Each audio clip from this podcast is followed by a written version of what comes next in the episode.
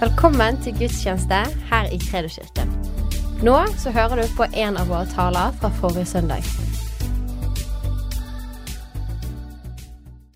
Har du tema der på veggen? Og det er 'Gud er for deg'.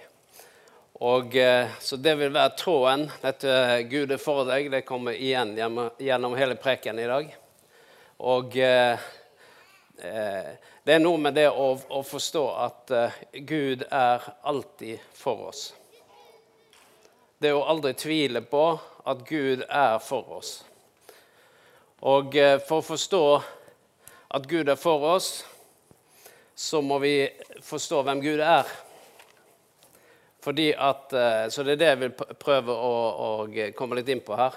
Det er å, å vise deg altså, hvem er Gud, fordi han kan ikke gjøre noe som er imot sin natur. Det er helt umulig for Gud å gjøre noe på en måte som ikke gjenspeiler den han er. Så temaet i dag Gud er for deg, og da begynner vi med et vers. Kjenner du det verset fra Romerbrevet? Er Gud for oss? Hvem er da imot oss? Skal vi si det? Er Gud for oss? Hvem er da imot oss? Jeg må bare ta det en gang til, for jeg må ha dere litt med nå. Merker dette, jeg må våkne litt sånn. Det var for mye julemusikk her allerede.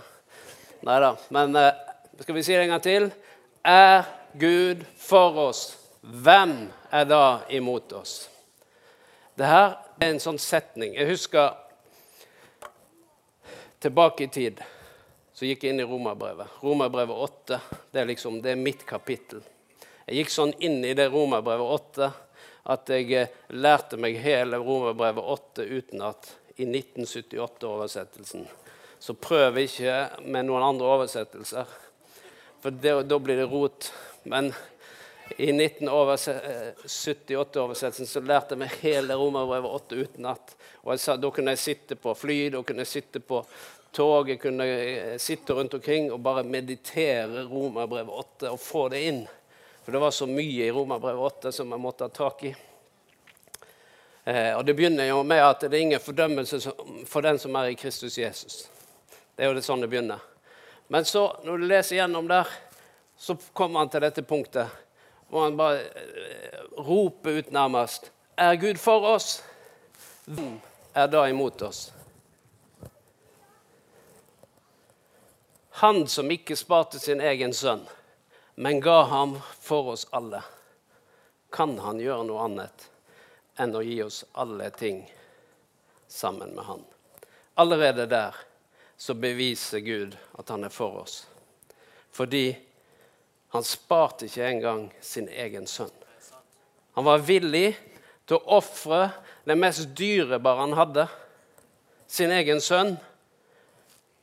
Og han var villig til å gå så langt at Jesus Kristus døde for at vi skulle få liv.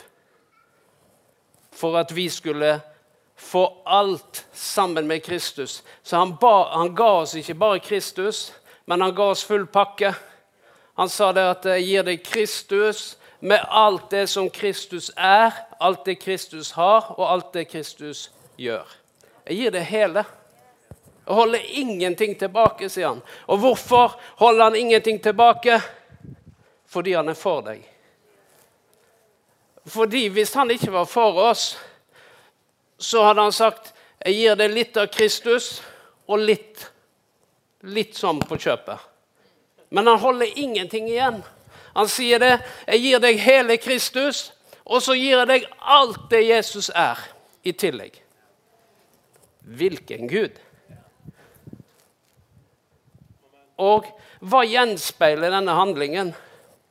Den gjenspeiler Guds natur. Det er slik han er. Så det er ikke slik at han sier det at eh, han Men han gav ham for oss nesten alle. Det står ikke det. Det står her at eh, han er for oss, at, men han ga ham for oss alle. Og det betyr at alle er inkludert. så kan du eh, si at 'nei, men jeg tror ikke det gjelder meg'. Så kan du sette en sånn ring rundt deg sant? og si at 'nei, jeg er utenom dette'. Men det som er da fint med Gud, han setter bare en større ring som inkluderer deg. Fordi han kan ikke annet enn å være for deg. Ja, men han, han eh, Hvis han hadde visst at, det, Å si det til Gud, vet du Hvis han hadde visst det og det i mitt liv, så hadde han vært imot meg. Ja, men det er Gud du snakker med, og det er det vi skal se på. Vi må forstå hvem Gud er, og at når han er den han er, men likevel er for oss, det er da vi begynner å forstå dimensjonen av dette. Så derfor skal vi gå inn på, på dette. Det her, eh, egentlig så bør du gå på bibelskolen, enten på Impact eller Substans, for å liksom få dybden i dette. For der er liksom tema om Guds karakter. Der går vi liksom i dybden. Det du får nå, det er bare sånn litt sånn overfladisk. Litt sånn av små punkt, eh, sånn at vi forstår hvem er det vi har med å gjøre. Så heng med nå. Dette var kun introduksjonen. Og så må vi ha det med nå gjennom eh, noen punkt her. Og så kommer vi tilbake til proklamasjonene på slutten. ok? Er du med? Good.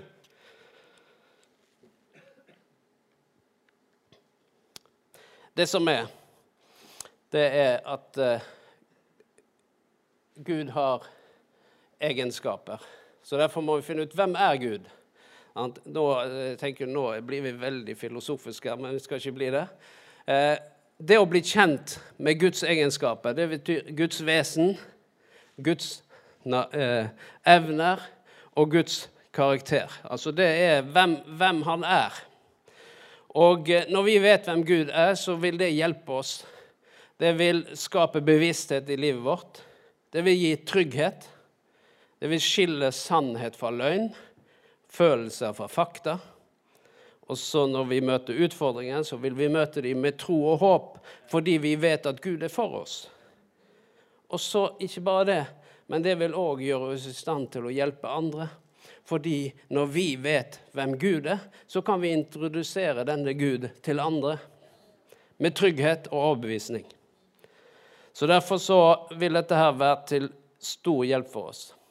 Og nå kommer vi inn på bibelskolen. Sant? Så nå er du på bibelskole noen minutter her.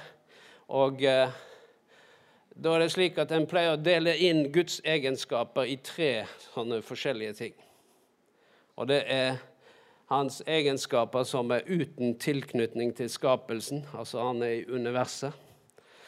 Og så er det hans egenskaper som er tilknyttet skapelsen. Og så er det Guds moralske egenskaper. Jeg skal bare berøre det veldig kjapt. Men det her er Så ta et år på bibelskolen, så får du innblikk i dette. Men det første vi skal se på, er det som er uten tilknytning til skapelsen. Og Da har vi tre ting som er veldig tydelige på det.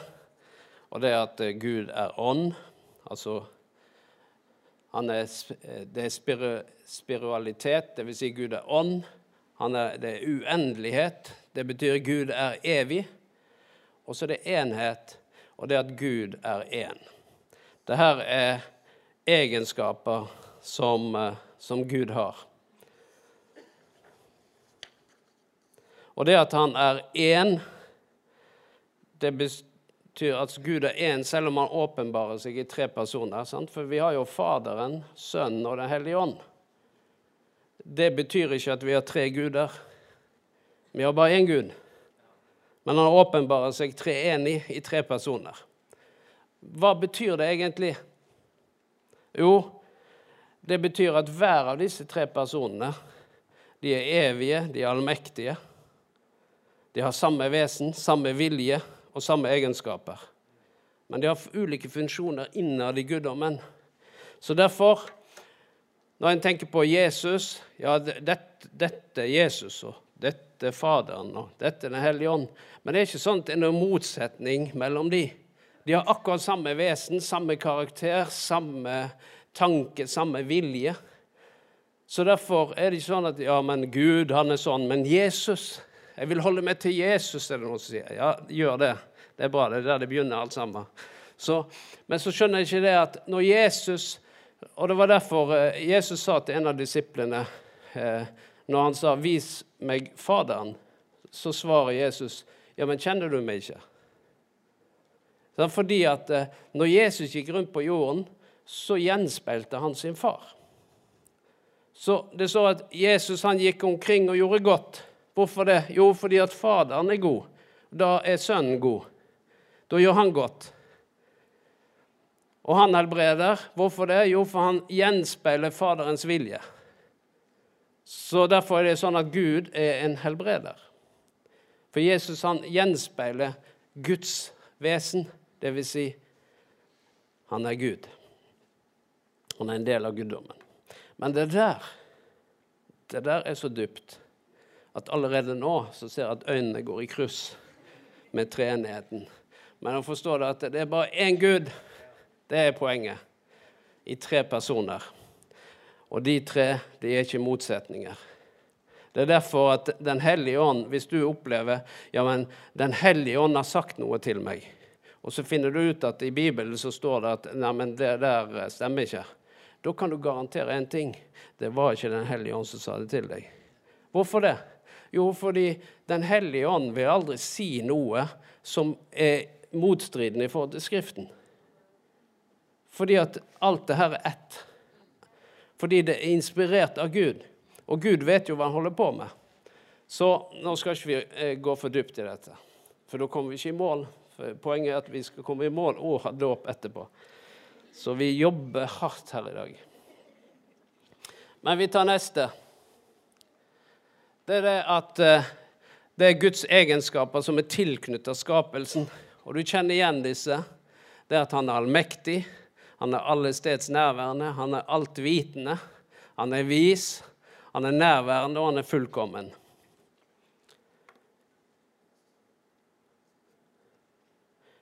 Det at Gud er allmektig, det betyr jo ikke Altså i, i prinsippet så har han all makt, dvs. Si at han kan gjøre hva som helst. Men det betyr ikke at han gjør hva som helst. Fordi at alt han gjør, det må være i samsvar med sitt hensikt, sin vilje, sitt ord, sine løfter og sin karakter. Altså Han gjør ikke noe utenom det. Så Derfor er det sånn at Guds allmakt samvirker med hans hensikt. Så du, du skiller ikke det. Så eh, Derfor så er det ikke sånn at, at Gud han kommer til å misbruke sin makt. Fordi han har gitt oss vår frie vilje. Så det er ikke sånn at Gud overstyrer din frie vilje, men han, han eh, inviterer deg til å samarbeide med han. Slik at du sier at 'jeg tar min vilje', så legger jeg han under din vilje. Men han kommer aldri til, fordi vi er ikke roboter. Han vil at vi skal elske han av kjærlighet, ikke av tvang. Og Derfor så, så sier han jo, jeg er allmektig. For noen ganger tenker jeg men kunne du ikke bare frelst denne karen? Hvorfor gjør du ikke det, Gud? Har ikke han all makt? Jo, han har det. Men han har satt en grense. Det er vår frie vilje. Han vil ikke tråkke over den fordi han er Gud. Han har kjærlighet, han har respekt.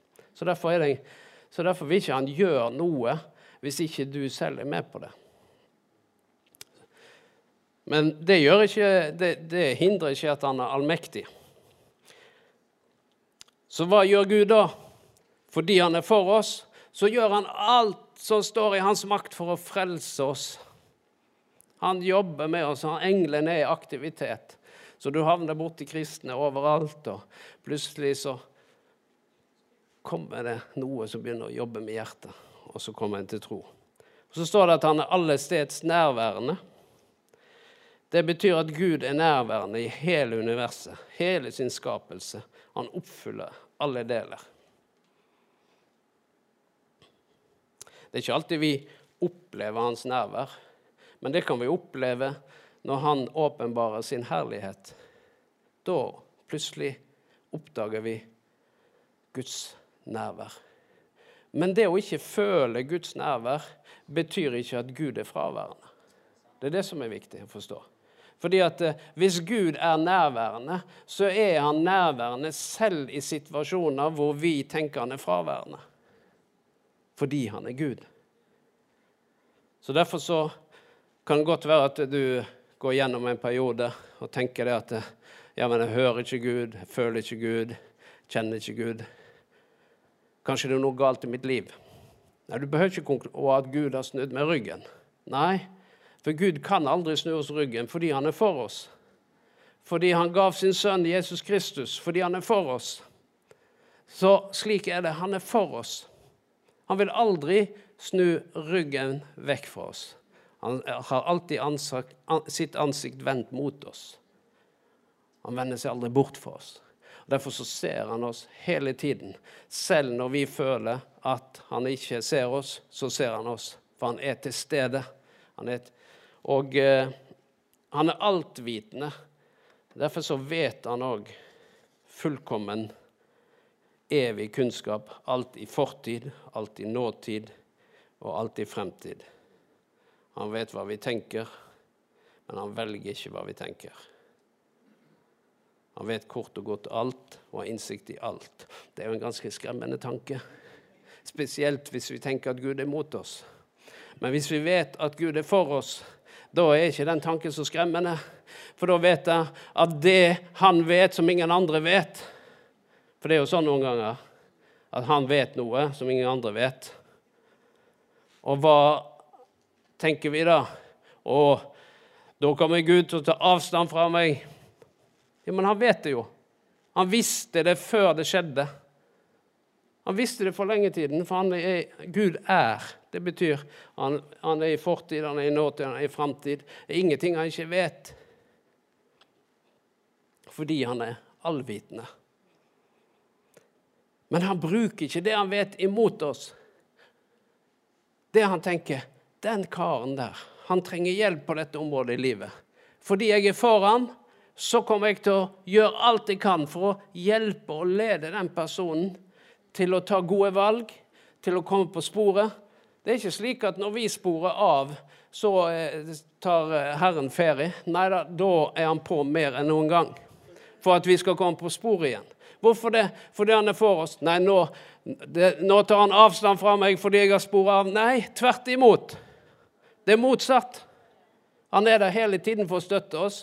Men når vi sporer av, så er det ikke sånn at Herren liksom eh, går andre veien. Nei, da følger han deg for å hjelpe deg inn på sporet igjen fordi han er for oss. Det er hans natur. Hans navn er jo Immanuel, Gud med oss. Det er jo fint å vite det. Ikke Gud mot oss, men Gud med oss. Fordi han er nærværende. Han er nær i tid og rom. Derfor er han til stede i våre liv hele tiden. Fordi han er nærværende. Og så er han suveren og fullkommen. Det er hans natur. Hvis du er fullkommen, da kan du ikke gjøre feil. Og sånn er det Gud er. Han kan ikke gjøre feil fordi han er Gud. Så når vi tenker 'Gud, du tok feil', så det ligger ikke i hans natur å ta feil. Du gjorde feil, Gud. Nei, han kan ikke gjøre feil. Hvorfor det? Fordi han er fullkommen.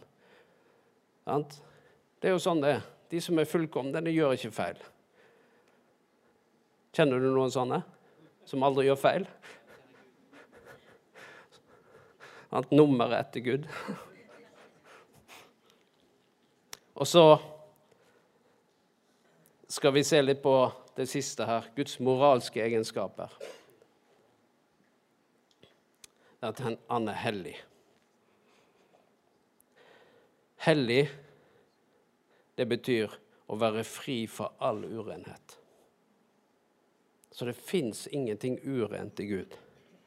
Han har ikke noe vikar vikarierende motiv. Det er ikke sånn at Gud prøver å lokke deg inn i et eller annet, for så å fortelle deg noe som du ikke visste.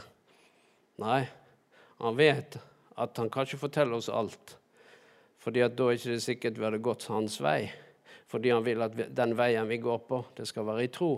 Det skal være i overgivelse til Gud. Derfor er det ikke sånn at han viser oss ikke alt. Det er ikke slik at vi hadde tålt å vite alt heller. Så selv om han er fullkommen og vet alt, så forteller han oss ikke i sin visdom alt. Så Gud, han er ren, han er hellig. Og så er han rettferdig. Det betyr at alt han gjør, er rett, og at han styrer rettferdig. Og så har vi fått del av hans Guds rettferdighet, sånn at vi òg blir rettferdige i Jesus Kristus. Og så står det at han er trofast, så trofasthet er en av eh, En som er trofast, er en som du kan stole helt og fullt på. Og eh, en som ikke svikter eller bryter sitt løfte. Så eh, han holder det han lover. Det er sånn Gud er. Han er for deg, med andre ord. Og så er han sann. Det vil si at Jesus sier om seg selv at 'jeg er sannheten og livet'. Og Derfor er det umulig for Gud å lyve eller snakke usant. Derfor er det vi kan stole på Guds ord. Fordi at Hvis vi tenker at eh, det han sier, er ikke helt sånn som han sier, så begynner vi å tvile på det han sier.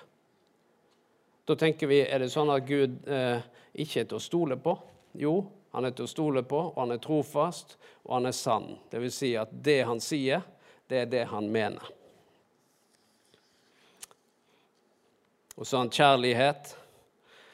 Og det står i 1. Johannes 4 at Gud er kjærlighet. Det, det, det, er ikke noe han har, det er noe han er. Og eh, Derfor så elsker Gud ubetinga. Det er ingenting vi gjør som kan påvirke hans kjærlighet til oss. Og Det er det som er viktig å forstå. At han elsker oss uansett. Ubetinga. Det er ikke ut fra betinga på hvis du gjør sånn og sånn, så elsker jeg deg. Nei, han elsker oss hele tiden. Eh, fordi at eh, det er ikke ut fra fortjeneste, men det er at han er Gud. Og Derfor er det sånn at Gud elsker oss midt i vår synd. Men hvordan står det at han driver oss til omvendelse? Med skremselspropaganda? Skal han drive deg til omvendelse? Nei, det står ikke det. Hans godhet står det driver oss til omvendelse. Det er jo litt av en natur. Mens noen tenker at eh, hvis det er noe synd i mitt liv, så kommer det dom, og da kommer det sånn, og kommer det trusler. Nei, men han er ikke et menneske. Han, det er ikke sånn som mor og far som kommer med trusler. Så sier det 'hvis du gjør sånn og sånn, så blir det ingen pakke på julaften'. sant? Nei, hans godhet driver oss til en omvendelse det å forstå hvordan Gud er, fordi han er kjærlighet, og han er god. Han er barmhjertig. Han er for oss. Djevel er ond, men Gud er god. Og det står at Herren er god mot nesten alle, står det. Har ikke du lest det? Eller? Nei da. Det er det som er Han er god mot alle. Han gjør ikke forskjell på folk. Han er barmhjertig mot alle sine skapninger, står det. Fordi han er for oss. Når vi der forstår at dette her gjennomsyrer Gud som den han er Det gjennomsyrer Faderen. Det gjennomsyrer Sønnen. Det gjennomsyrer Den hellige ånd. De drar i samme retning. De har ikke noe motstridende seg imellom. De er akkurat like, har samme karakter, samme vesen. De vil det samme. De støtter oss fullt ut. Så når Den hellige ånd kommer der for å, å kanskje peke på ting i vårt liv som vi gjør noe med, hvorfor gjør han det? Jo, fordi han er for oss. Ikke fordi han er imot oss.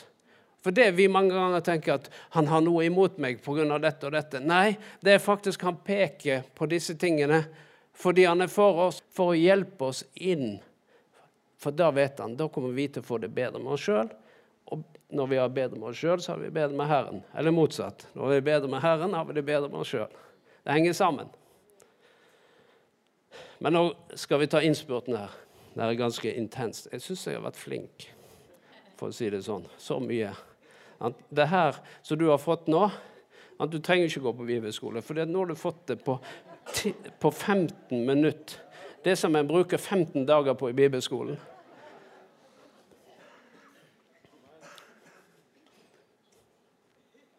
Men nå skal vi se på noen bibelverser. Vi går tilbake til dette at Gud er for oss. Hvem er da imot oss? Vi forstår det enda bedre nå enn da jeg leste det første gangen.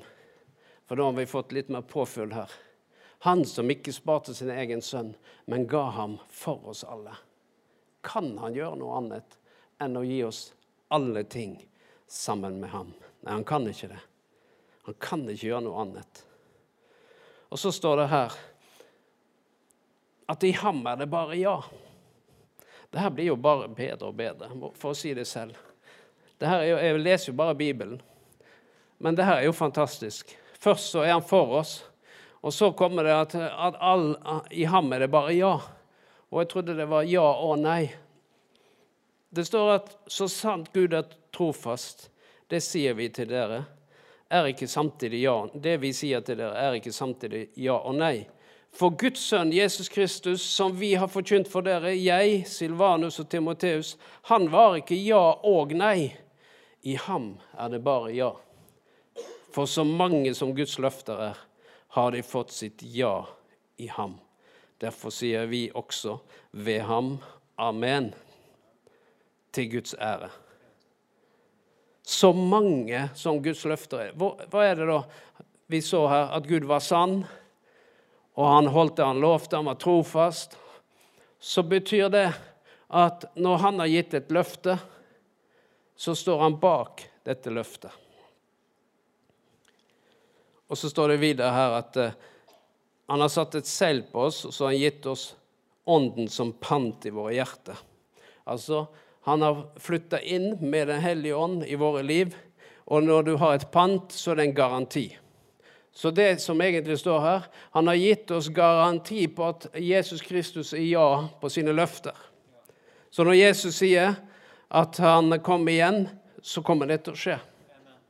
Om det har tatt litt tid, det kommer til å skje.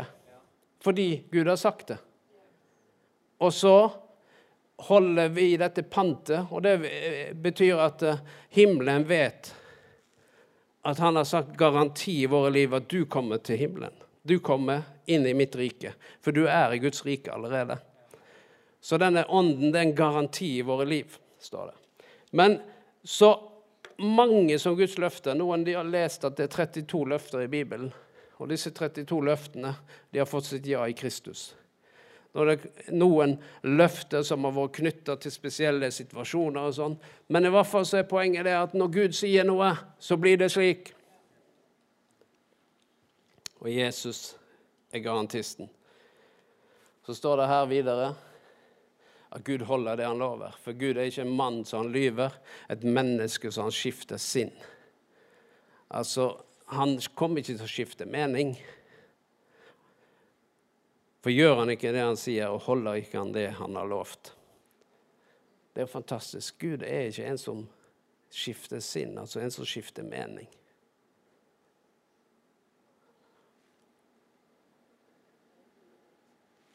Og så gir han gode og fullkomne gaver. For det står i Jakob 1,17 at all god gave All fullkommen gave kommer ovenfra, fra lysenes far. Hos han er det ingen forandring eller veksling mellom lys og mørke. Altså, Gud har ingen dårlig dag. Det er det som står her. Fritt oversatt. Ingen humørsvingninger. Det er sånn at døgnets eh, skiftende skygge, står det en oversettelse. Det betyr at eh, i løpet av døgnet, sant, når solen står opp, så er skyggen Eh, der, og når solen går ned, sånn der, og så på natta er skyggen borte. og så Det er skiftende skygger. Det, men Gud er ikke sånn at han, noe endrer seg. Og så står det det at hvis Gud er god, det har vi jo slått fast, og han er fullkommen En som er god og fullkommen, han kan jo bare gi gode og fullkomne gaver, kan han ikke det? For hvis vi da tenker at han kommer til å gi meg noe annet, da er det i strid med den han er. Så Gud kommer aldri til å gi deg en dårlig gave. En ufullkommen gave.